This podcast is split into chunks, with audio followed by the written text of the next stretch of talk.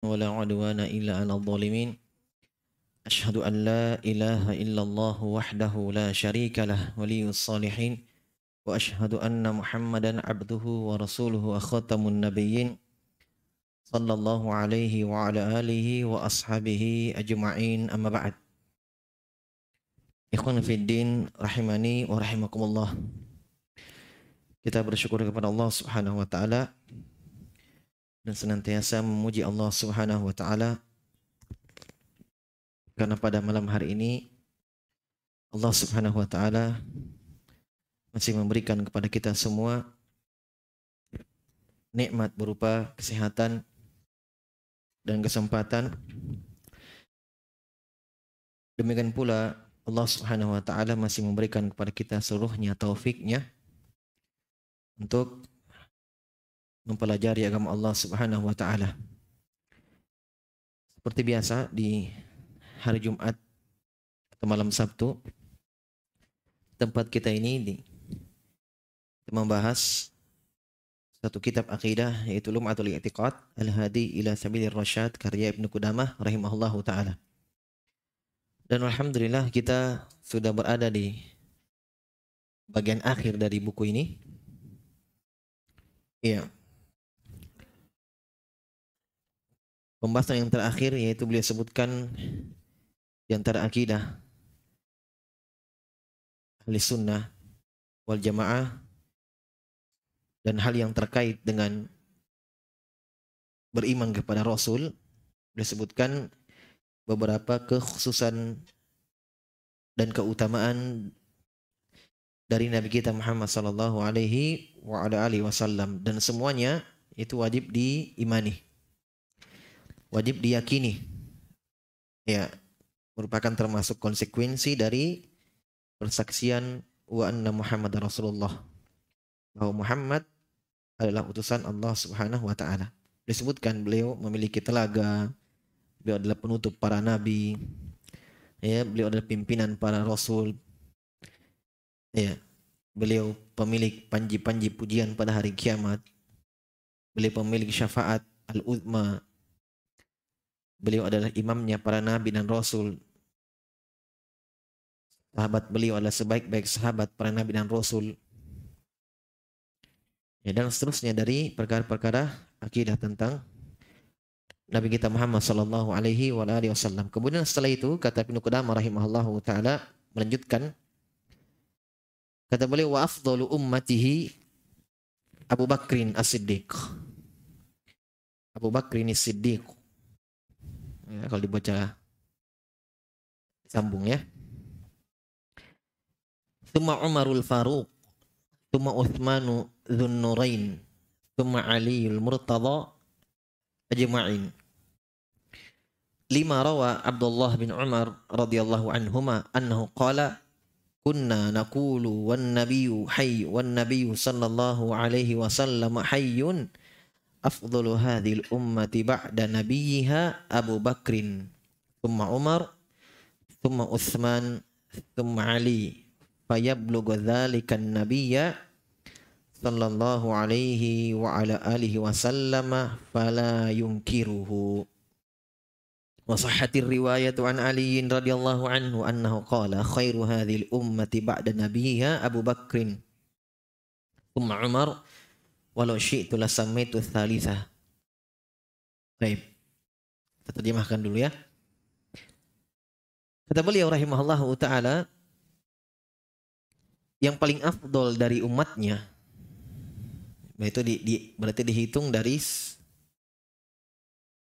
ketika beliau terutus ya sampai pada hari kiamat dan itu sudah jelaskan bahwa umat Nabi terbagi dua ada umatul ijabah dan ada umat ad-dakwah. Umatul dakwah semuanya. Ya mukminnya yang kafirnya. Adapun umat ijabah mereka umat yang menjawab seruan Nabi Shallallahu Alaihi Wasallam. Jadi manusia yang hidup dari tertusnya beliau itu umat semuanya. Nah, Kata beliau, yang paling afdolnya dari umatnya adalah Abu Bakar. Siddiq namanya namanya Abdul Abdullah. Ya. Ada yang baru dengar ya? Beliau jarang disebut namanya. Selalu Abu Bakar. Abu Bakar. Siddiq. Dan gelarnya. Abu Bakar punya Siddiq itu lakop. Gelar. Ya. Nah. Lakop-lakop sekarang muncul di abad setelah zaman kurun mufaddalah jauh setelah itu baru ada lakop-lakop yang baru muncul seperti pakai kata din-din, Nuruddin, Imanuddin, Taqiyuddin itu lakop. Ya. Lakop. Ya. Sama di sini. Ini ilmu kudamah sudah terjelaskan di ada yang ingat majlis pertama. Ketika awal-awal kita baca buku ini. Ya. Lakop beliau Muwafaquddin. Ya, Muwafaquddin. Dan ini lakop-lakop seperti ini tidak dikenal di awal-awal Islam dulu. Lakopnya Umar Faruk. Abu Bakar As-Siddiq. Utsman Dzunnurain, pemilik dua cahaya. Ya. Ya. Masing-masing ada lakopnya. Nah, nanti apa beberapa zaman setelahnya Nah, seperti Nawawi rahimahullah, ya, walaupun beliau tidak ridho dengan lakop seperti itu. Ya. Ibn Taimiyah, Taqiyuddin. Nawawi, Muhyiddin. Ada din-dinnya. Nawawi rahimahullah mengatakan, saya tidak ridho dengan orang yang menggelari saya dengan nama saya tidak ridho dengan nama gelar itu. Ya. Jadi lakop, kunyahnya Abu Bakar. Nama aslinya Abdullah ibnu Abi Kohafah. Abu Kohafah ayahnya Abu Bakar namanya Utsman. Berarti nama aslinya beliau Abdullah bin Utsman. Ini ya, depan saya tanya. Eh, ya. nama aslinya Abdullah, hanya jarang didengar. Jarang disebut. Gelarnya Siddiq. Tuma Umar. Urutan kedua Umar. Umar bin Khattab. Umar bin Khattab Al-Faruq. Di sini jelaskan Al-Faruq. Ya. Al-Faruq. Ya. Thumma Utsmanu Dzun Nurain. Kemudian Utsman bin Affan radhiyallahu anhu. Utsman bin Affan min Bani Umayyah. Dzun Nurain. Ini gelarnya. Dzu pemilik, Nurain cahaya. Kenapa digelari pemilik, dua pemilik, memiliki dua cahaya karena beliau menikahi dua putri Nabi Shallallahu Alaihi wa ala alihi Wasallam, Ruqayyah dan Ummu Kulthum. Ruqayyah dan Ummu Kulthum. Ya, makanya digelari dengan pemilik dua cahaya. Ya. Dan apa? Hanya beliau yang menikahi putri Nabi dua. Ya. Ali radhiyallahu anhu Fatimah. Ya, beliau dua-duanya. Kalau ditanya, loh kan tidak boleh menggabungkan dua saudara. Jawabannya, karena satu sudah meninggal. Nikah lagi satu. Bahkan dalam riwayat kata Nabi SAW, saya masih punya anak perempuan, saya nikahkan dengan Utsman lagi. Subhanallah. Saya nikahkan dengan Utsman lagi. Tayyib. Jadi Nurain artinya pemilik dua cahaya. Thumma Ali al-Murtada. Kemudian Ali al-Murtada. Ini Ali radhiyallahu anhu, Ali bin Abi Thalib. Lakab al-Murtada itu ya kadang datang apa dari sebagian orang yang kadang ekstrim kepada Ali bin Abi Thalib ya menyandarkan lakab al-Murtada. Ya, karena kalau dikatakan al-Murtada diridoi, semua diridoi. Ya kan? Abu Bakar diridhoi, Umar diridhoi, Utsman diridhoi. Nah, ini sekali lagi gelar Al-Murtada itu kalian datang dalam sebagian dari orang-orang yang ya mengkhususkan Ali. Tapi sudah berjalan kan disebutkan. Tapi kalau biasanya di sini para ulama usalaf tidak menyematkan gelar ini kepada beliau radhiyallahu anhu. Hanya Sebutkan namanya Ali bin Abi Thalib radhiyallahu anhu. Sini Ibnu Qudamah memakai gelar Al-Murtada. Ajma'in. Al-Murtada. Nah, dalam kurung Ajma'in. Karena dalam cetakan yang lain buku ini tidak ada Ajma'innya. Jadi kata beliau ini akidah ahli sunnah. Ya. Ini dari sisi keafdolan. Dan saya sudah pernah singgung permasalahan ini bahwa dalam permasalahan afdolnya, ini kan beliau singgung sini afdolu ummati, berarti permasalahan fadilah. Permasalahan keutamaan. Abu Bakar As-Siddiq sepakat, beliau pertama. Kedua Umar sepakat. Ya. Nah, urutan ketiga di awal-awal Islam dulu itu sempat terjadi khilaf sedikit. Iya. Khususnya sebagian murid-muridnya sahabat seperti Al-A'mash, Sulaiman bin Mihran, dari riwayat yang lain juga datang dari Sufyan Ats-Tsauri alaihi rahmatullah, mereka mengatakan kalau dari sisi keutamaan itu urutan ketiga Ali bin Abi Thalib baru Utsman. Itu mereka pendapat sebagian kecil dari ulama salaf. Setelah itu Al-Habib Ibn Hajar dalam Fathul Bari menukil kesepakatan setelah meninggalnya mereka ini Al-Amash dan Penasauri jauh zaman setelahnya Al-Habib Ibn Hajar dalam Fathul Bari menukil ijma kesepakatan bahwa urutan dalam keafdoliaan fadilah itu sama urutan dalam khilafah Abu Bakar, Umar, Utsman kemudian Ali. Paham ya? Adapun dalam masalah khilafah tidak ada perselisihan salaf di situ. Jadi kalau ada yang antum dapatkan beda urutan khilafahnya, hati-hati itu ahlul bidah. Mendahulukan Ali daripada semuanya. Bahkan yang ekstrimnya orang-orang Syiah Rafidhah mengatakan Jibril salah menurunkan wahyu. Pantasnya untuk Ali bin Abi Thalib radhiyallahu anhu. Paham? Makanya jangan heran kenapa permasalahan ini dimasukkan dalam buku akidah. Ya, dimasukkan dalam buku akidah. Padahal tidak ada dalam rukun iman yang enam. Ada rukun iman yang enam, iman kepada sahabat? Tidak. Tapi dimasukkan dalam pembahasan pokok akidah ahli sunnah untuk menerangkan bahwa inilah akidah ahli sunnah dan mereka sepakat di atas ini. Yang menyelisihinya keluar dari ahli sunnah. Makanya Ibnu Taimiyah dalam Al-Aqidatul Wasitiyah mengatakan siapa yang mengedepankan ahli dalam khilafah ya, Jangankan mendahului Abu Bakar As-Siddiq, mendahului Uthman saja radhiyallahu anhum ajma'in sudah kata beliau bahwa adallu min himari ahlihi maka dia lebih sesat daripada keledai peliharaannya. Kalau dia dahulukan Ali daripada Uthman, urutan khilafah nanti akan kita bahas. Beliau singgung nanti tentang urutan khilafah. Kita bahas itu tentang masalah khilafah.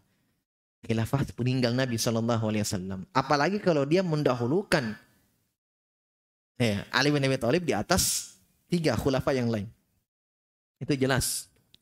Ya, karena ahli sunnah sepakat di atas itu urutannya. Ya, khilafah setelah Nabi Abu Bakar, setelah Abu Bakar meninggal Umar, setelah Umar meninggal Utsman, setelah itu Ali. Jelas ya? Nah, yang ada sedang pendapat tadi sedikit itu dalam masalah keutamaan. Karena beda dalam masalah keutamaan dan khilafah. Nah, kata beliau di sini Berarti beliau bersama pendapat kebanyakan ulama. Dari sisi keutamaan urutannya sama khilafah ya. Ya, urutannya sama khilafah. Kata beliau sebagaimana yang diriwayatkan oleh Ibnu Umar. Ada hadisnya ya, Ibnu Umar dan ini sahih dari Ibnu Umar radhiyallahu anhu. Ibnu Umar mengatakan, "Dulu kami nakulu, kami ucapkan dengan lisan, wan nabiyyu hayyun." Dan nabi masih hidup. Berarti ini sunnah takririyah. Paham ya? Sunnah takririyah. Sunnah itu ada tiga. Sunnah qauliyah, ucapan. Sunnah fi'liyah, perbuatan. Dan sunnah takdiriyah. Sunnah takririyah itu Nabi tidak ucapkan, Nabi tidak lakukan. Tetapi sahabat yang melakukannya, Nabi saksikan. Bisa dipahami? Makanya jadi syariat juga. Kenapa? Karena kalau itu pelanggar pelanggaran dalam sisi syariat, maka ada wahyu yang menegur. Kalau bukan Al-Quran yang turun, Nabi menegurnya. Berarti ketika Nabi tidak mengingkarinya, dalam artian Nabi mentakrirnya, menetapkannya, itu sunnah. Bisa dipahami? Jelas ya? Banyak contohnya. Ya, contohnya misalnya doa. Iya, ketika Nabi sholat, sholat berjamaah, habis ruku, sami Allahu liman hamidah. Ya, yang dari Nabi SAW Nabi baca Rabbana walakal hamdu. Kadang Nabi tambah Allahumma Rabbana walakal hamdu. Satu orang pemuda, anak muda di belakang tambah Rabbana walakal hamdu hamdan kathiran tayyiban mubarakan fihi. Hamdan kathiran tayyiban mubarakan fihi. Nabi dengar, tahu bacaannya apa yang dia baca. Ini kekhususan Nabi ya. Nabi tahu apa yang dilakukan oleh orang di belakang. Membaca apa Nabi tahu. Setelah salam, kata Nabi SAW, siapa yang membaca doa itu tadi? Yang katakan, saya Rasulullah. Kata Nabi, saya melihat 12 malaikat berlomba-lomba menulis pahalamu. Subhanallah. Nah, datang orang yang tidak paham dengan hadits ini, bolehnya adanya bid'ah hasanah. Yang penting baik Iya. Nah, orang-orang yang tidak belajar pasti terpengaruh. Oh iya betul. Berarti boleh menambah-nambah. Karena sahabat tambah. Nabi tetapkan. Kalau boleh menambah-nambah kan hancur agama. Oke, salat maghrib lima. Ya. Hmm. Tidak ada yang mengatakan itu. Nah, kita jawab syubhatnya. Kita jawab pengkaburan ini. Bahwa Nabi SAW katakan, Kul bid'at yang Semua bidah sesat. Nah, tidak ada pendalilan dalam hal itu. Kita katakan sunnah ada tiga. Yang terakhir sunnah takririyah. Seandainya itu pelanggaran syariat, Nabi akan tegur. Ternyata Nabi SAW menetapkan, bahkan Nabi melihat malaikat, mencatat pahalanya. Maka itu menjadi sunnah. Paham? Sunnah takririyah. Yang pertama. Yang kedua, dibolehkan bagi bersahabat radhiyallahu anhum dan ini termasuk keutamaan mereka dibolehkan bagi mereka berijtihad di zaman sahabat, di zaman Nabi. Ketika Nabi masih hidup ya. Ya. Dalam artian kalau mereka berijtihad, ijtihad itu berpendapat sendiri sesuai dengan ilmu yang ada. Kalau benar jadi syariat. Kalau salah ditegur. Kalau bukan Al-Qur'an yang turun, maka Nabi yang menegurnya. Karena zaman itu zaman wahyu. Ya. Syariat masih sementara disempurnakan. Bayangkan Nabi ketika lupa dua rakaat salat isya loh. Di rakaat di tasyahud pertama yang seharusnya naik ke rakaat ketiga Nabi salam. Sahabat ikut salam. Nah ini jelas-jelas salah. Saya tanya, kenapa sahabat tidak yang menegur? Lihat lanjutan hadisnya. Setelah salam apa kata sahabat? Tidak ada yang berani menegurnya. Sahabat saling saling melihat. Ini dua rakaat. Datang sahabat yang memberanikan diri. Namanya Zul Yadain. Pemilik panjang tangan. Pemilik tangan namanya artinya. Ya Rasulullah. Aku sirati sholatu. Ya Rasulullah, apakah sholat dikurangi ataukah turun wahyu baru? Nabi katakan, kenapa? Ya Rasulullah, sholatnya cuma dua rakaat. Nabi, di, dalam riwayat ini Nabi sudah salam, mundur ke tiang bersandar sambil berzikir. Jelas? Nabi SAW tidak langsung mempercayai sahabat ucapan sahabat ini. Sahabat tadi yang salah karena Nabi yakin bahwa benar. Maka Nabi bertanya kepada sahabat yang lain, "Akama qala Apakah betul dia katakan sahabat yang mengatakan sahabat yang lain mengatakan betul ya Rasulullah. Hanya tidak ada yang berani tegur, hanya dia. Siapa yang berani tegur Nabi? Kenapa? Karena waktu itu kalau ada berubah mereka langsung ikut. Kenapa? Zaman wahyu. Hanya kata Nabi ketika ditanya seperti itu oleh Zulidan, kata Nabi, tidak ada wahyu yang turun, salat tidak dikurangi. Saya yang lupa.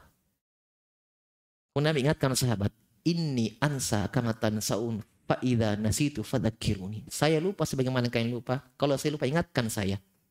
Maka Nabi tambah dua rakaat. Itu ada ilmu fikih di situ. Kalau ada orang yang lupa, dia lupa sujud sahwi, walaupun dia sudah salam, sudah cerita, selama waktunya belum lama, sujud sahwi. Karena Nabi Sallallahu Alaihi Wasallam di situ ya sudah mundur, sudah berzikir, bahkan sudah berbicara. Nabi hanya tambah dua rakaat, kemudian beliau sujud sahwi sebelum salam. Jelas?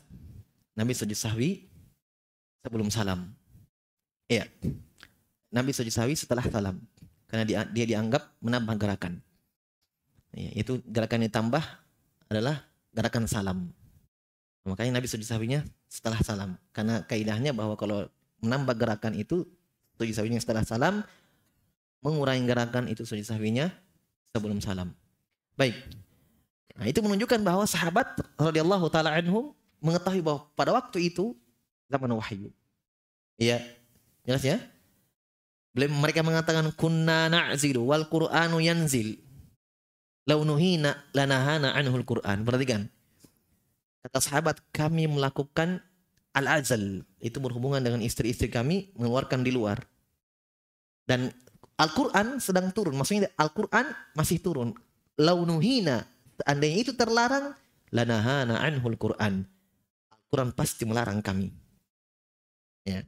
Makanya kadang kalau mereka berjitihad, salah. Ditegur oleh Nabi. Ammar bin Yasir ketika diutus oleh Nabi SAW, beliau junub. Beliau tahu bahwa ketika tidak ada air, boleh menggantikan tayamum. Ya, tayamum menggantikan air. Tapi beliau tidak tahu cara tayamum bagaimana. Pada waktu itu beliau junub, tidak ada air. Maka beliau berguling-guling di pasir. Fatamarok, fatamarok tu ala soid kama dabah. Saya berguling-guling di pasir sebagaimana berguling-gulingnya binatang. Ijtihadnya, ini pendapatnya.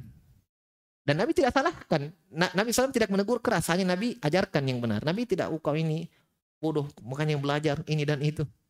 Memang sahabat dibolehkan berjihad. Ketika salah ditegur, berarti itu salah.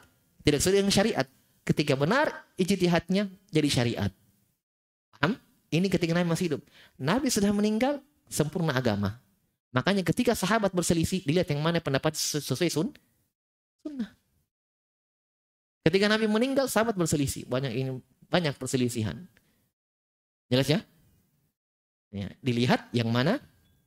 Ya, yang sesuai dengan sunnah Nabi Shallallahu. Baik. Jadi tidak ada hujah di situ ya. Bagi mereka yang mengatakan bisa boleh menambah-nambah. Makanya ketika Nabi meninggal, ya, yang ada hanya mengikuti. Kata Ibnu Mas'ud radhiyallahu taala anhu, "Ittabi'u fala tabtadi'u faqad kufitum." Ikutilah, jangan mengada-ada lagi. Kalian telah disempurnakan, telah dicukupi. Jadi jangan samakan. Sahabat kalau berjihad salah dapat pala satu. Kalau benar dalam pendapatnya dapat pala dua. Kalau kita salah dapat dosa. Beda. Mereka ahli itihad. Mujtahid. Ya. Makanya kalau kita tidak bisa berjihad, itu tidak bisa. Kenapa? Fas'alu ala dzikri Tanya kalau orang kalau kalian tidak tahu kepada orang yang tahu. Yaitu belajar. Bertanya, belajar dan seterusnya. Nah, jadi ucapan Ibnu Abbas, Ibnu Umar, Ibnu Umar di sini kunna nakulu, kami dulu mengatakan dan Nabi masih hidup bahwa seabdol-abdol manusia setelah nabinya, umat ini setelah nabinya adalah Abu Bakar, Umar, Tuma Uthman. Tidak ada Ali disebut. Kan? Makanya kenapa tadi ada khilaf? Ada ulama yang berpendapat Ali ketiga. Paham ya? ya. Jadi Ali radhiyallahu tidak disebut. Jadi riwayat yang ada Ali itu dalam kurung tidak ada. Faya buluga dzalika Nabiya sallallahu alaihi wasallam. Ya. Itu sampai kepada Nabi sallallahu alaihi wasallam fala yungkiruhu. Fala yungkiruhu. Ya, tapi disebutkan setelah Umar itu Utsman radhiyallahu taala anhu. Ya. Wa sahhati riwayatu an Ali. Nah, Ali sendiri yang mengucapkan. Telah sahih dari Ali bin Abi Thalib. Kata beliau, khairu hadhil ummah sebaik-baik umat ini ba'da nabiha setelah nabinya adalah Abu Bakar, Umar ya. Nah disebut Utsman. Ya. Yang mengucapkan siapa tadi? Ali bin Abi Thalib. Beliau sebut cuma dua. Abu Bakar, Umar. Kata beliau, walau syi'tu, kalau saya mau, la sammaitu salis. Saya akan sebut yang ketiga. Beliau tidak sebut. Ini dalil yang mereka pakai. Berarti memang ketika Ali, eh, tidak ada yang kedua. Eh, ada yang ketiga dia sebut. Paham ya? Baik. Warawa Abu Darda radhiyallahu anhu ani Nabi sallallahu alaihi wasallam annahu qala ma tala'atis syamsu wala gharabat ba'da nabiyina ba'da nabiyina wal mursalina ala afdali min Abi Bakar. Ini hadisnya ya dhaif ya, bahkan palsu, maudhu. Tapi maknanya benar, semakna dengan hadis sebelumnya.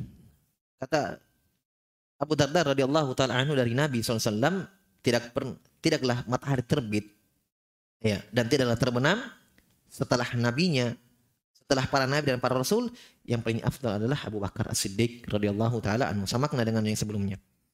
Kemudian kata Ibnu Qudamah rahimahullahu taala wa huwa ahaqqu khalqillahi bil khilafati ba'dan nabi sallallahu alaihi wa ala alihi wasallam li fadila li fadlihi wa sabiqatihi. Perhatikan kata beliau dia itu Abu Bakar As-Siddiq domirnya kata gantinya kembali kepada Abu Bakar As-Siddiq. Beliau Abu Bakar As-Siddiq adalah makhluk Allah yang lebih berhak, yang paling berhak khilafah. Jadi khilafah setelah Nabi Muhammad wasallam. Ini sepakat ya. Lifadlihi wasabiqihi wasabiqatihi. Kenapa? Abu Bakar As-Siddiq radhiyallahu taala anhu kata beliau karena keutamaannya. Wasabiqah. Dan terdahulunya dia masuk Islam. Ketika Nabi terutus, manusia yang paling pertama beriman setelah Khadijah Khadijah dari kalangan wanita Khadijah dari kalangan laki-laki Abu Bakar As-Siddiq. Eh, bahkan Nabi SAW ketika dikejar orang-orang Quraisy yang menemani adalah Abu Bakar As-Siddiq yang Allah abadikan dalam Al-Quran. Idh qala li sahibihi la tahzan innallaha ma'ana kata Allah dalam surat Taubah ketika ya Rasul itu apa temannya mengatakan itu Abu Bakar As-Siddiq ketika Rasul mengatakan kepada temannya la tahzan jangan kau sedih Allah ma'an. Allah bersama kami. Itu Abu Bakar As-Siddiq. Jelasnya Abu Bakar As-Siddiq radhiyallahu taala Makanya orang Syiah Rafidhah itu tidak ada surat Taubah itu. Mereka punya mushaf sendiri. Ditanya kenapa tidak ada surat Taubah? Karena ada penyebutan Abu Bakar As-Siddiq di dalamnya. Di mana itu? Itu tadi disebutkan. Namanya tidak ada tapi mereka faham ini Abu Bakar As-Siddiq karena kisahnya tidak ada yang ingkar di kisahnya. Yang mereka dikejar masuk dalam goa.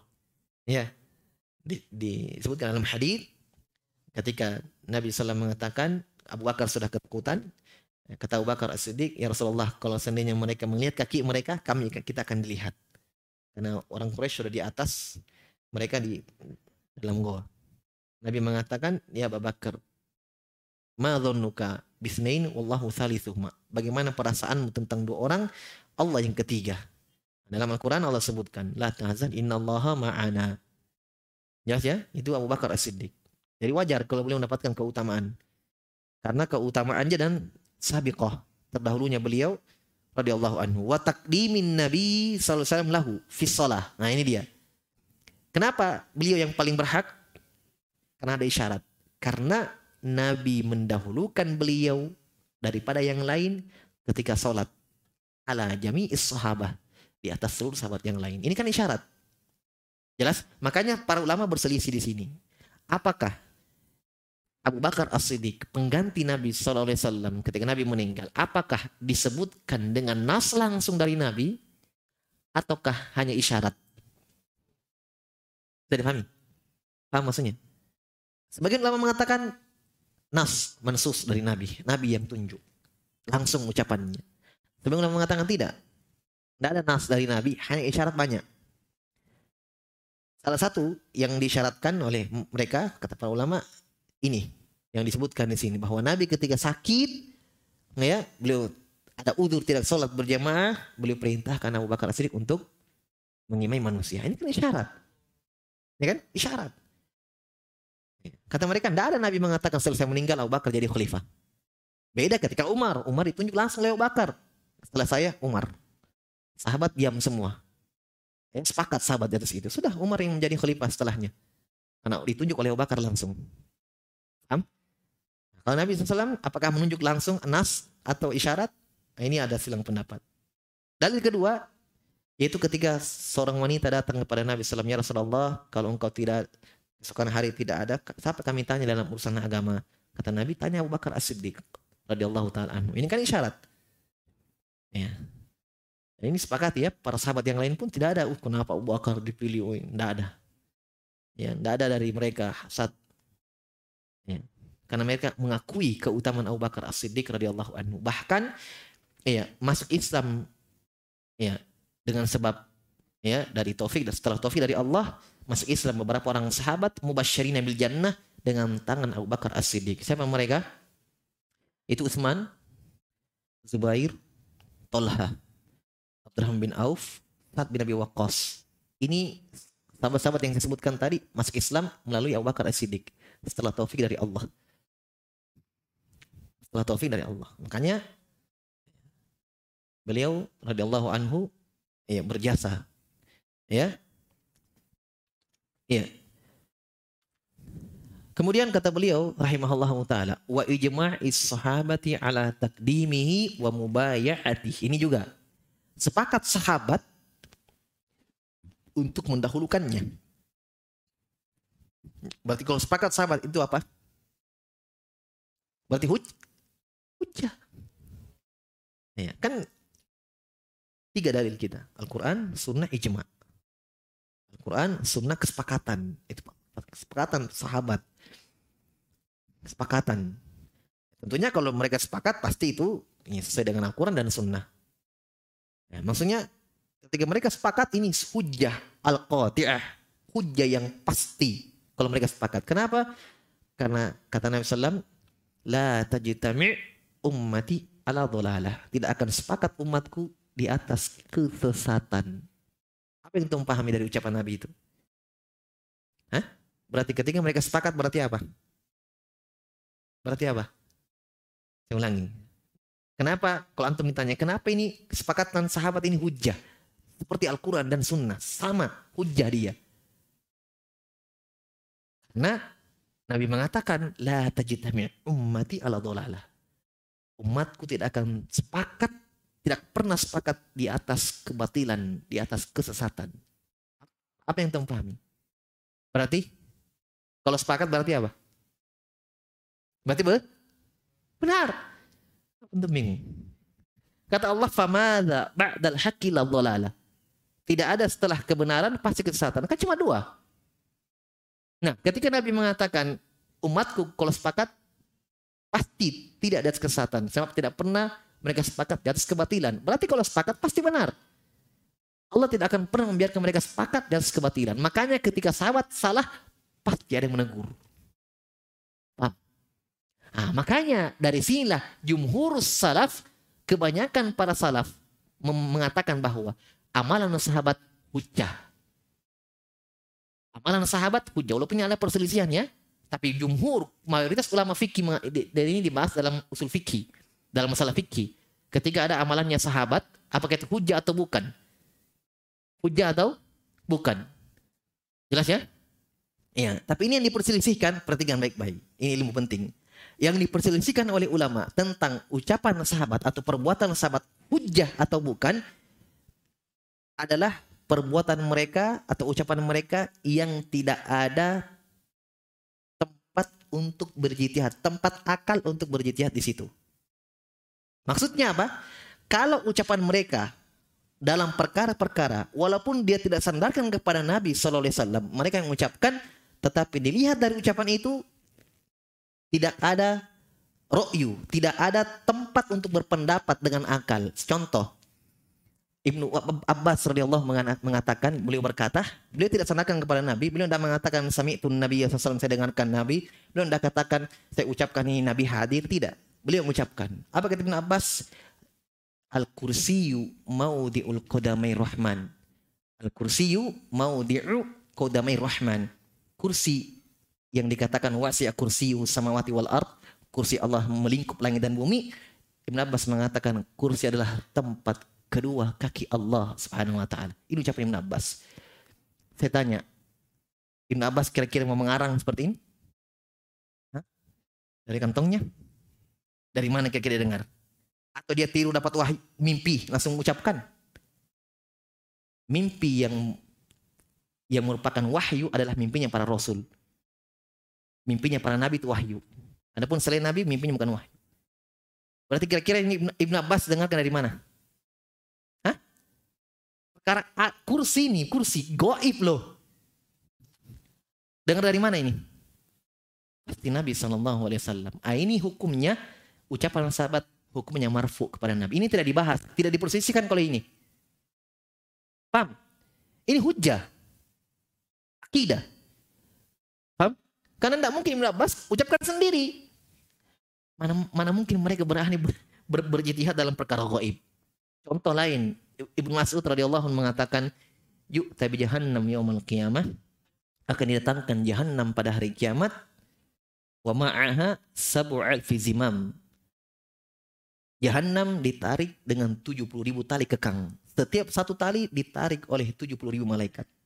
Sekarang saya tanya, Ibnu Mas'ud tidak menyadarkan kepada Nabi, beliau tidak mengatakan saya dengarkan Nabi juga, beliau mengucapkan. Sekarang saya tanya, beliau berani kira-kira ucapkan seperti dari kantongnya? Pernah lihat neraka?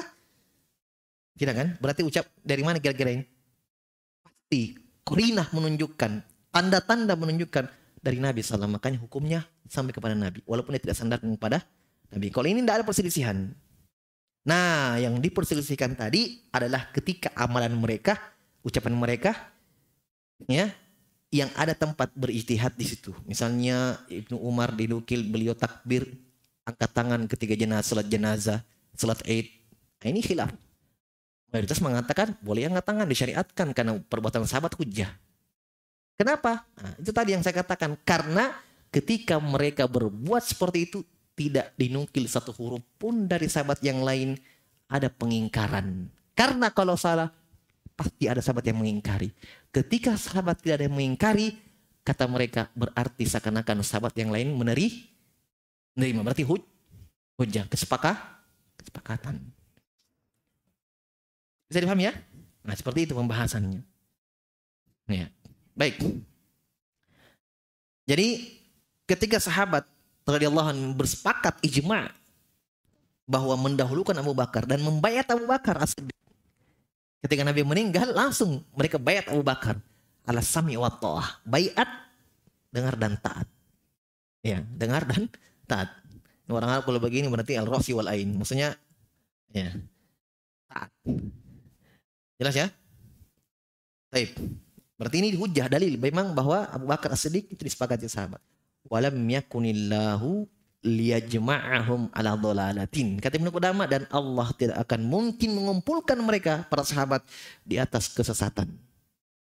Di atas kesesatan. Kemudian yang kedua, thumma min ba'dihi Umar. Iya, setelah itu Umar bin Khattab radhiyallahu taala anhu. Iya. Ya, dan beliau menjadi khalifah. Iya. Menjadi khalifah itu karena istakhlafahu Abu Bakar alal ummah faqama bi bi'aba'il khilafah. Karena eh, istakhlafa Abu Bakar. Abu Bakar yang menunjuk beliau sebagai menjadi khalifah. Dari sini kita melihat, kita mengambil faidah ya dari sirah ini, pelajaran dari sirah bahwa syariat Islam menunjuk pemimpin negara itu ada beberapa syariat. Pertama adalah penunjukan khalifah sebelumnya. Ham. Bagaimana yang terjadi ketika Abu Bakar radhiyallahu anhu menunjuk Umar. Ini salah satu cara syariat Islam menentukan pemimpin. Bisa dipahami? Baik. Cara kedua, nanti akan kita sebutkan.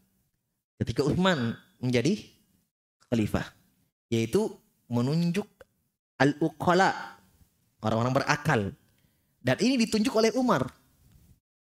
Termasuk Uthman di situ. Ali juga di situ ditunjuk oleh Umar bin Khattab. Dewan Syuro namanya. Orang-orang yang berakal. Tidak semua. Pungut suara semuanya. Tidak. Ditunjuk orang yang berakal. Mereka sepakati tunjuk Uthman. Yang lain sahabat di situ. Ini cara kedua ya penunjukan Dewan Syuro. Itu ketika kisah Utsman radhiyallahu taala anhu. Jadi Umar bin Khattab radhiyallahu anhu menjadi khalifah itu ditunjuk oleh Abu Bakar As-Siddiq. Kata beliau, "Summa min ba'di Umar li fadlihi wa ahdi Abi Bakar." Karena keutamaannya dan penunjukannya kepada Abu Bakar dari Abu Bakar As-Siddiq. Dari sisi keutamaan memang disebutkan dalam hadis Umar kedua setelah Abu Bakar As-Siddiq. Makanya sahabat, sahabat yang lain juga sepakat membayar Umar setelah itu. Dan memang ditunjuk oleh Abu Bakar As-Siddiq. Tuma Uthman radhiyallahu anhu. Uthman setelah yang itu yang ketiga. Kenapa? Kata beliau litakdimi ahli syura lahu. Karena ahlu syura itu menunjuk beliau, mengedepankan beliau iya radhiyallahu taala anhu. Radhiyallahu taala anhu. Iya.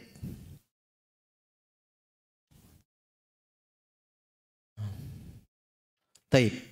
Kata beliau rahimahullah summa ali li fadlihi wa ijma'i ahli asrihi alaihi. Kemudian setelah itu Ali bin Abi Thalib radhiyallahu taala anhu.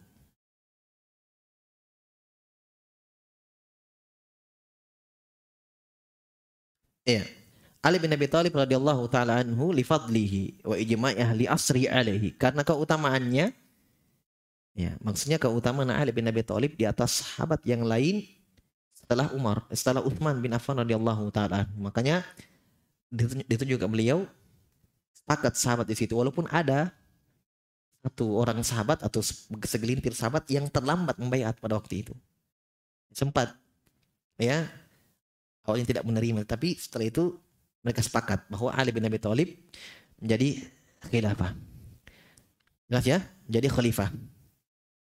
Menjadi khalifah. Kemudian kata beliau setelah itu wahaula il khulafaur rasyidun al mahdiyun. Mereka ini adalah khulafaur rasyidun al mahdiyun. Mereka ini adalah khilafah ar-rasyidun. Khilafah khalifah-khalifah Nabi pengganti Nabi SAW Rasyidun yang mendapatkan petunjuk, terbimbing. Al-Mahdiyun yang mendapatkan hidayah. Alladzina qala Rasul sallallahu alaihi wasallam fihim yang Nabi katakan kepada mereka Alaikum bisunnati wa sunnatil khulafa'ir rasyidin al-mahdiyina min ba'di allu 'alaiha bin nawajid. Yang Nabi mengatakan kepada mereka wajib atas kalian berpegang teguh dengan sunnahku ini hadits Ibad bin Sariyah, riwayat Tirmizi. Itu kisahnya ketika Nabi salat asar bersama sahabat. Setelah itu Nabi berbalik kepada para sahabat memberikan wasiat, memberikan mauidhah, ya, memberikan tausiah. Maka sahabat mengatakan seakan-akan ini wasiatnya Nabi atau nasihatnya Nabi ya, Nabi ingin berpisah. Menyedihkan, menyentuh hati. Sampai kata Ibad bin Sariyah, wajilat minhal qulub wa dharafat minal uyun. Menggetarkan hati kami dan mengeluarkan air mata. Maka kata bin Sari ya Rasulullah ka'annaha mau'izatun muwaddi'in fa'usina. Ya Rasulullah nasihatmu seakan-akan engkau ingin pergi maka berilah kami wasiat. Jadi sangkan mereka Nabi sudah mau mati. Karena wasiatnya eh, nasihatnya sangat menyentuh. Maka wasiat Nabi SAW ini alaikum sunnati pertama usikum taqwallah. Saya wasiatkan kalian bertakwa kepada Allah. Yang kedua as-sami' wa ta'ah dengar dan taatlah kepada para penguasa kalian. Ulama menjelaskan di situ bahwa setelah bertakwa kepada Allah, wasiat pertama Nabi adalah taat kepada pemerintah. Kata para ulama ini isyarat dari Nabi SAW bahwa fitnah yang akan paling pertama muncul ini ketika beliau meninggal. Dan ini ternyata betul. Ternyata betul. Fitnah bid'ah yang pertama kali muncul di awal-awal di masa sahabat fitnah khawarij pemberontakan kepada Ali bin Abi Thalib menggulingkan Ali ibn Abi Thalib. Makanya Nabi sudah berikan isyarat langsung taat dan dengarlah kepada pimpinan kalian. Nah, baru beliau wasiatkan ini, alaikum bisunnati dan wajib atas kalian berpegang teguh dengan sunnahku, itu syariatku. Wa sunnatil khulafair rasyidin dan sunnahnya khulafair rasyidin. Khulafa ar-rasyidin itu empat tadi. Nah, dari sini kata Ibnu Taimiyah rahimahullah, azannya Utsman ibn Affan, azan kedua di hari Jumat, kata Ibnu Taimiyah masyru, disyariatkan. Ini dalilnya. Zaman Nabi satu kali azan.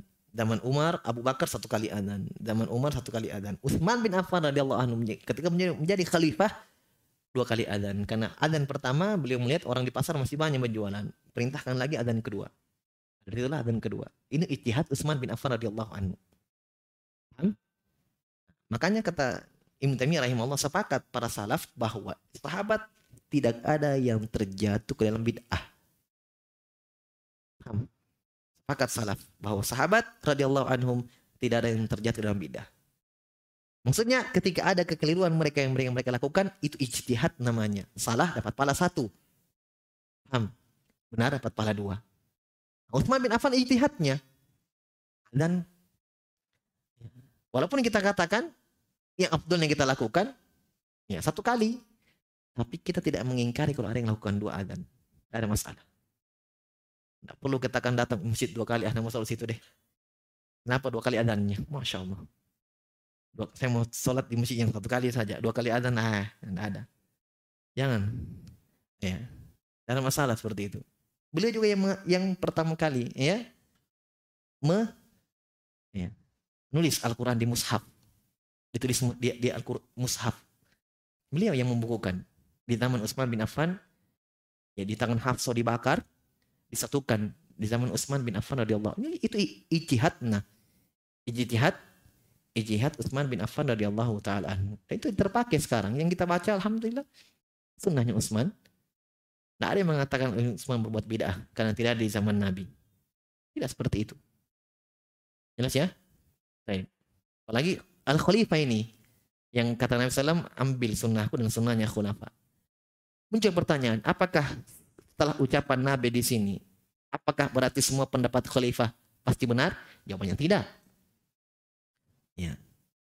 Inilah termasuk juga penting untuk dibahas. Ya, di sini dijelaskan wasatiyatil ummah. Pertengahannya ahli sunnah dalam masalah sahabat ini nampak di sini.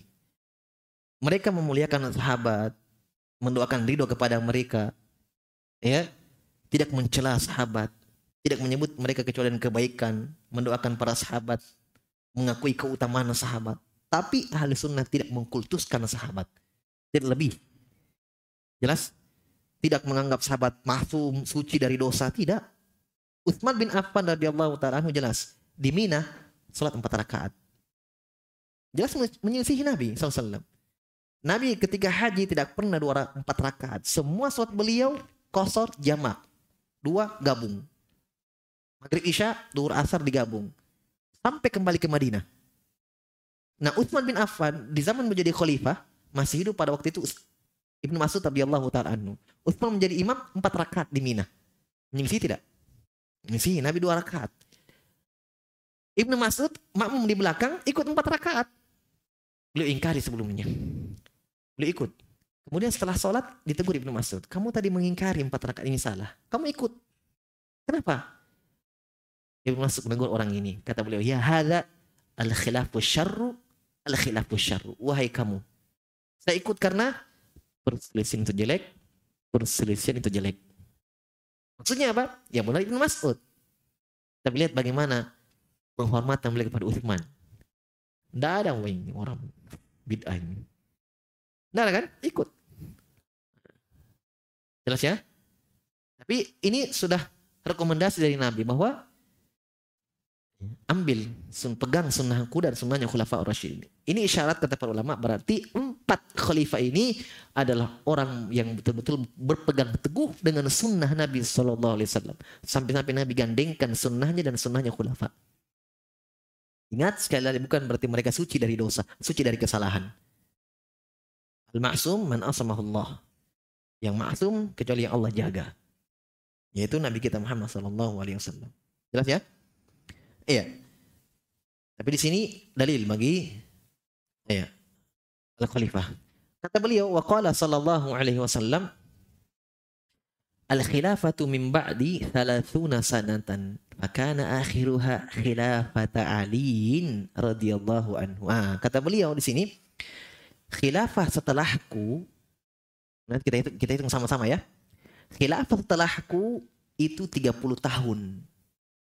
Saya ulangi, kata Nabi SAW, khilafah setelahku 30 tahun. Dan akhir 30 tahun itu adalah khilafahnya Ali. Betul tidak? Kita hitung. Ya, Khilafah Abu Bakar As-Siddiq itu dari tahun 11 Hijriyah. Tanggal 11 Hijriyah tahun 22 Hijriyah Jumadil Akhirah. Ya. Dan berakhir ya 22 Jumadil Akhirah tahun 11 Hijriyah berakhir di tahun 13 Hijriyah. Berapa tahun? Dua. Jadi tahun 11 Hijriyah setelah hijrah masa pemerintah Abu Bakar As-Siddiq berakhir tahun 13 Hijriah.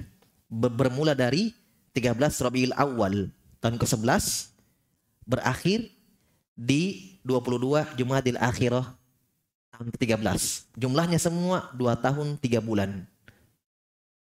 2 tahun 3 bulan. Khilafah Umar. Khilafah Umar bermula dari 23 Jumadil Akhirah tahun 13 Hijriah berakhir tanggal 26 Zulhijjah tahun 23 Hijriah. 23 Hijriah di tahun ke-13 dan 23. Berakhir 23. Tahun ke-13 Hijriah berakhir 23. Berarti 10 tahun 6 bulan. Sudah berapa itu? Sudah berapa semua? 12. Tambah bulannya hampir 13. Uthman bin Affan radhiyallahu anhu bermula dari 1 Muharram tahun 24 Hijriah berakhir pada tanggal 18 Zulhijjah pada tahun 35 Hijriah.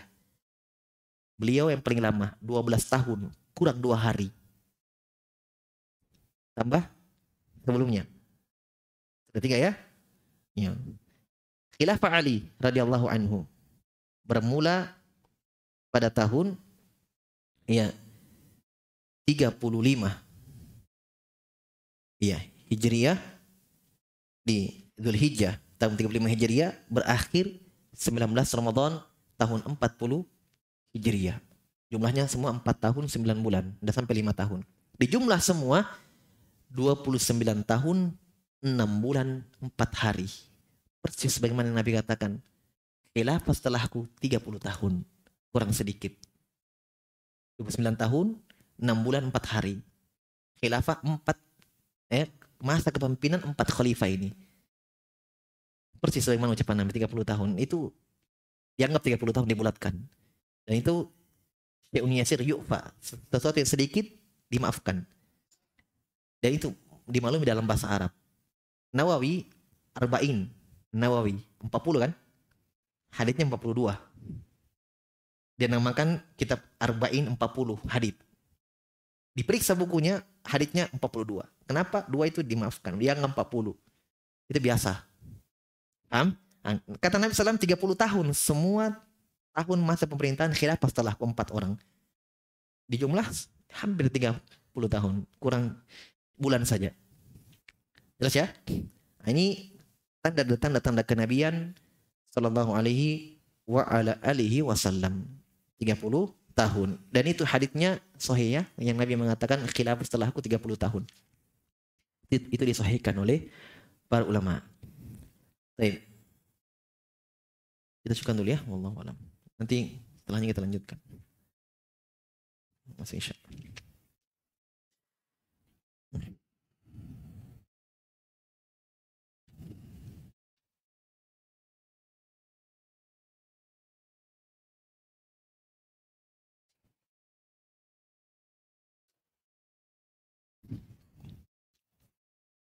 yang pertanyaan tentang Natal ini ya.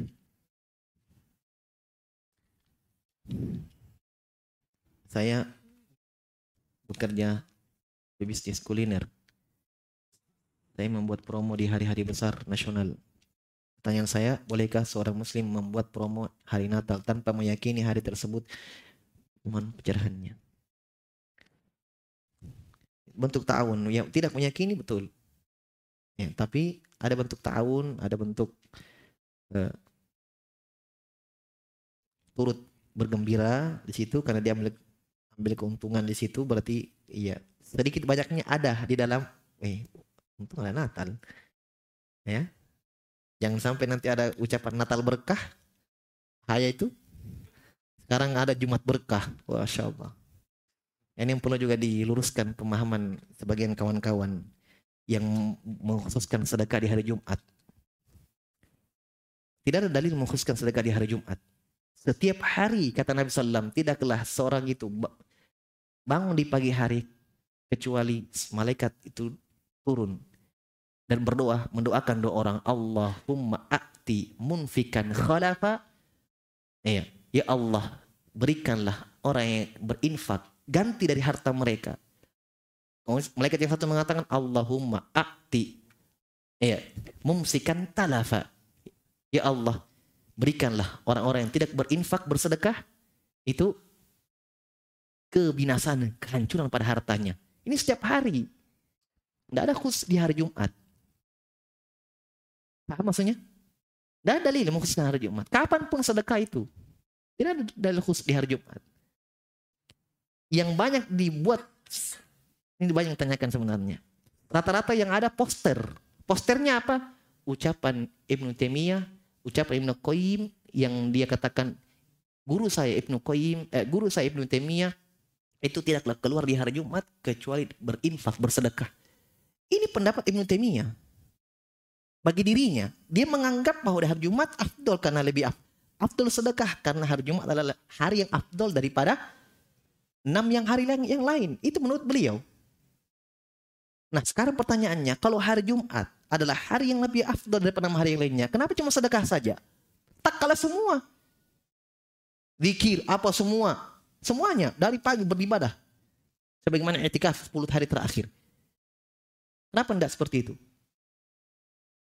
Maksudnya ya, ditinggikannya keutamaan hari Jumat bukan berarti menunjukkan dilipat gandakan pahala di situ. Lain pemasalahnya. Beda dengan Ramadan, beda dengan Lailatul Qadar, beda dengan 10 terakhir. Ini jelas nas dari Nabi bahwa 10 terakhir iya. Nabi mengikat sarungnya kuat-kuat tinggal di masjid yang beliau tidak lakukan di awal Ramadan. Ini kan jelas berarti 10 Ramadan lebih afdal daripada Ramadan malam Ramadan yang lain. Berarti dilipat gandakan pahala di situ. Nah hari Jumat. Hari Jumat. Ada dalil dilipat gandakan pahala sehingga khusus di hari Jumat bersedekah. Makanya banyak nasi-nasi kotak hari Jumat saja. Sampai sekarang ada fatwa Syekh Ubaid Al-Jabiri, Sautiyah, Saut. Jangan meyakini bahwa hari Jumat khusus sedekah. Sedekah kapan saja. Ingatnya saya bukan menggembos, bukan. Silahkan bersedekah. Sedekah khair. Masya Allah kebaikan antum berpahala dilipat gandakan. Hanya Allah yang tahu. Mallahu bi alim. Tentang kelipatan ganda pahala antum dalam bersedekah. Silahkan. Hanya yang saya khawatirkan keyakinan ini. Khusus di hari Jumat. Seakan-akan di hari Jumat itu dilipat gandakan pahala sedekah khusus. Itu yang di ya. Ya, tapi ya sudah menjadi kebiasaan kita ya hari Jumat. Ya, hari Jumat. Tidak ada masalah. Kalau menjadi kebiasaan hanya yang butuh dirubah keyakinan kita. Saya Ustaz sedekah memang hari Jumat yang bagus, yang ada waktu di kesempatan, yang orang banyak orang miskin, tidak ada masalah, silahkan. Ya kan kalau perbuatan tanpa meyakini tidak ada masalah. Sedekah juga di Senin, Kamis, puasa Senin, Kamis bisa. Begitu kan? Nah ini kita kembali ke pertanyaannya. Ini tidak boleh. Ini bentuk tahun di sini. Ya. Kita, ikhwan, bergembira. Ada waktunya. Allah perintahkan. Kul bifadlillahi wa birahmati fabidzalika falyafrahu huwa khairun mimma yajma'un. Kata Nabi kata Allah Subhanahu wa taala, "Kul," katakan Muhammad, dengan keutamaan Allah dan rahmat Allah fabidzalika falyafrahu dengan itulah kalian bergembira jelas ada pembuktiannya ada aplikasinya ada salat Id Idul Fitri dan Idul Adha Nabi memerintahkan wanita-wanita al-awatik kata Ummat Atiyah radhiyallahu anha amaruna Rasul sallallahu alaihi wasallam an-nakhruj wal awatik wal huyat kata Ummu Atiyah radhiyallahu anha Nabi memerintahkan kami perempuan keluar Al-awatik, tahu awatik? Perempuan yang dipingit, nggak pernah keluar. Yang kedua, al-huyat, wanita haid, pasti tidak sholat. Nabi perintahkan keluar. Kenapa? Agar mereka melihat kegembiraan kaum muslimin, nampak syiar Islam, mereka pun bergembira. Kul bifadlillahi wa birahmati, fabidzalika falyafrahu. Bukan justru di hari-hari orang kafir kita bergembira. Ada waktunya. Hari-hari kita ada. Di situ bergembira orang. Mau habis uangmu di situ ke situ semua. Hari makan dan minum di situ sudah. Mau kasih makan orang, mau senang-senang bergembira selama tidak masuk ke taraf berlebihan, fadl, fadlu. Gembira di situ. Menampakkan syiar. Jelas? Apalagi sudah berpuasa bulan Ramadan menahan lapar dan haus. Iya, di hari Id, iya, bergembira. Nah, kalau mau bikin promo di situ silahkan. Ya kan? Promo lebaran, Masya Allah, gembira orang. Wah, antum, ini saya kasih ilmu ya. Pedagang di situ, jangan lihat promonya saja. Jangan antum niatkan memudahkan kaum muslimin dalam beli baju baru. Dapat bagian antum pahala. Ya kan? Antum turunkan harganya walaupun berapa persen, diskon 5 persen, 10 persen. Dengan niat agar kaum muslimin bergembira mendapatkan kemudahan dalam membeli baju mereka pakai lebaran, dapat pahala antum. Kata Nabi SAW, rahimallahu abdan samhan idha ba'a samhan idha syitara. Ini bagi pedagang. Kata Nabi SAW, Allah merahmati seorang hamba yang pemurah ketika menawar dan pemurah ketika menjual. Kalau pemurah ketika menjual jelas, jangan terlalu mahal. Pemurah ketika membeli, jangan menawar seperti membunuh penjual. Iya kan? Ada juga orang menawar dari, oh, saya bilang, eh, betul-betul. Jangan dia saja mau dirahmati, rahmati juga penjual. Ini butuh makan dan istrinya juga butuh hidup. Kan begitu kan? Nah, makanya ada pemurah ketika menjual, pemurah ketika membeli. Jangan tawar boy dari turun ke bawah lebih dari 100 persen, 50 persen turun jauh, ya. sampai menangis penjualnya. sama pemurah. Baik. Jadi ini enggak jangan buat seperti itu. Ya. Kan kalau perlu tutup. Ya, jangan. Nah, sekarang kita bukan cuma yang pembuat seperti ini, kita yang belanja. Ustaz ada banyak ditanyakan, Ustaz sana ada promo-promo banyak Ustaz. Jawabannya kalau memang kita butuh dan tempat kebiasaan kita belanja di situ.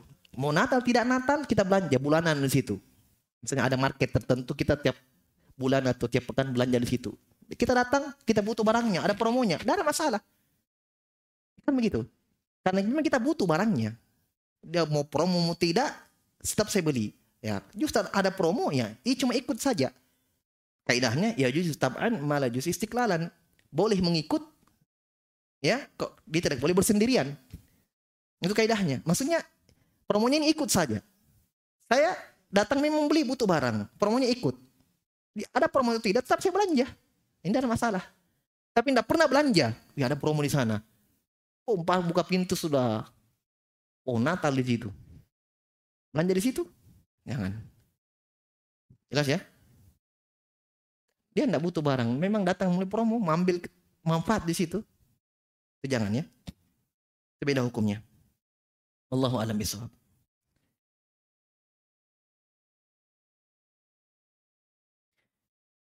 Apakah di zaman Fatro itu tidak ada nabi atau umat di zaman itu berada di dua kenabian? Dan betulkah orang tua nabi di neraka? Masya Allah. Pertanyaan pertama Fatroh. Eh Fatroh ini tidak ada zaman, tidak ada nabi terutus. Itu ada zaman Fatroh. Dan ini ada haditsnya dikeluarkan oleh Imam Ahmad dan selainnya dari sahabat dan disahkan haditsnya bahwa orang-orang yang hidup di zaman Fatroh ada tiga golongan orang yang di uji pertanyaan pada hari kiamat. Jadi dia berada di Al-A'raf. Apa itu Al-A'raf? Dalam Al-Quran ya, surah Al-A'raf. Dalam Al-A'raf itu antara surga dan neraka. Ya, mereka ini diberi ujian. Siapa mereka ini? Yang pertama dalam hadis orang hidup di zaman fatrah tidak ada nabi diutus. Yang kedua orang gila. Yang ketiga orang yang terangkat, uh, orang yang uh, lemah akal ah, maksudnya orang lemot orang ya, orang yang salah salah lah gitu ya kalau tidak salah ingat itu tiga ini ditanya kalau benar menjawab sudah dalam surga jelas ya Ya, karena memang Allah berfirman, "Wa ma mu'adzibina hatta nab'atha rasulah." Kami tidak akan menyiksa sampai ada roh Rasul kami utus. Berarti kalau ada Rasul utus, diutus, tidak ada hujah di hadapan Allah nanti bahwa saya tidak tahu ini dan itu dan seterusnya ada Rasul diutus. Nah, merentet dari pembahasan itu, pintar ini menanya tentang orang tua Nabi. Nah, orang tua Nabi. Bukan saya yang menjawab, bukan kita yang jawab, Nabi yang menjawabnya. Ya, datang orang ya Rasulullah di mana bapakku? Kata Nabi Sallam, In abaka wa abi finnar. Nabi yang jawab, bapakmu dan bapakku dalam neraka. Jelas ya? hikmah di situ, banyak hikmahnya. Tapi ya saudara kita sebagian eh, kaum muslimin bahkan sebagian i juga dengan alasan ingin oh katanya nabi lahir dari darah yang suci. Oh, banyak. Ya yang kita hargai itu kebaikan. Maksudnya niat baik. Tapi niat baik bukan berarti memalingkan nas. Bukan. Nabi yang katakan seperti itu kita mau kepalingkan di mana lagi? Nabi katakan bapakmu dan bapakmu dalam neraka. Tanpa mengurangi kemuliaan nabi. Tanpa mengurangi rasa hormat kita kepada nabi. Tanpa mengurangi itu Jelas? Mereka paling oh ini maksudnya eh, banyak lah. Paling ini maknanya itu, maknanya ini. Jelas ya? Baik. Dengan alasan katanya juga Nabi bapaknya hidup di zaman fatrah. Berarti dia butuh dalil itu kalau zaman Nabi zaman fatrah. Itu dalil. Ketika Nabi mengatakan di neraka berarti bukan di zaman fatrah. Kan zaman patro, zaman patro itu tidak dihitungkan neraka surga. Ditanya pada hari kiamat, itu zaman orang itu zaman patro tidak ada wah, tidak ada nabi terutus. Wallahu alam bisawab. Saya ingin pulang dari rumah mertua. Saya salaman dan cium tangannya. Dan kebetulan mertua saya lagi baring-baring. Mau tak mau saya salaman dan mencium tangannya dalam keadaan posisi membungkuk. Bagaimana hukumnya? Ya, pertama hukum cium tangan itu boleh ya, tidak ada masalah. Itu adat. Adat istiadat itu selama tidak bertentangan dengan agama boleh. Kalau kita Indonesia cium tangan, orang Arab cium jidat. Di Yaman itu kita siksa di Yaman, kita lihat saksikan di Yaman. Dia itu kalau anak kecil sama orang tua, orang tua yang kecium tangannya anaknya kecil. Biar bukan anaknya, lihat anak kecil di jalan. Assalamualaikum kayak hal ya walad, ambil tangannya. Eh, terbalik itu adat mereka. Nah, kalau orang tua cium jidatnya, itu bentuk penghormatan. Dan masa itu adat istiadat. Kebiasaan negara tempat berbeda. Selama ingat, tidak ada bertentangan dengan syariat. Jelas?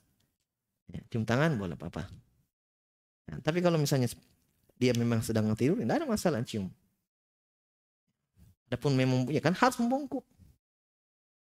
Memang jangan tarik Marah orang tua sudah tua. Iya. Kami harus seperti itu. Nah, caranya duduk di dekatnya, ambil tangannya, cium, salam, jalan, tidak ada masalah. Salam. Memang yang dilarang itu bentuk ruku ya, tunduk eh, itu dilarang. Sebagaimana Nabi larang para sahabat ketika mereka berdiri. Mereka sedang duduk, Nabi datang, mereka berdiri. Nabi tegur keras mereka. Ya, karena kata Nabi SAW kalian melakukan apa yang dilakukan oleh orang Romawi dalam pada raja-raja mereka. Nabi tidak mau. Karena berdiri itu bentuk pemuliaan hanya kepada Allah. Makanya gerakan-gerakan sholat berdiri, ruku, sujud, menunduk. Iya. Kita tidak boleh tunduk kepada orang. Boleh. Ya. Tunduk merendah. Itu gerakan sholat untuk Allah. Hanya Allah yang kita tunduk kepadanya. Hanya Allah. Manusia kita sama sama di depan Allah. Adapun bentuk kehormatan kan tidak harus tunduk. Begitu kan? Misalnya ya kalau Makassar orang tua lagi duduk, ya jangan juga untung lewat ah darat tabe tabe. Antum injak mereka ini, wah kurang ajar ini. Belajar di mana ini? Nada adabnya. Lewat, ya bilang tabe. Tabe kan itu artinya permisi kan?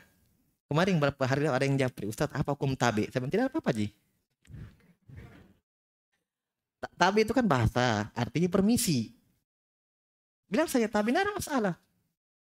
Ya, tangannya di depan begini, tidak ada masalah langsung menunduk. Ya, tapi tapi tidak masalah itu. Jangan juga los jalan oh diinjak-injak langkah. Ya, nah, orang tuh bilang, apa ini? Bilang di belajar di mana ini? Oh begitu diajar di sana ya. Nah, nanti fitnah lagi. Ya kita tunjukkan kepada mereka akhlak yang baik tanpa melanggar syariat.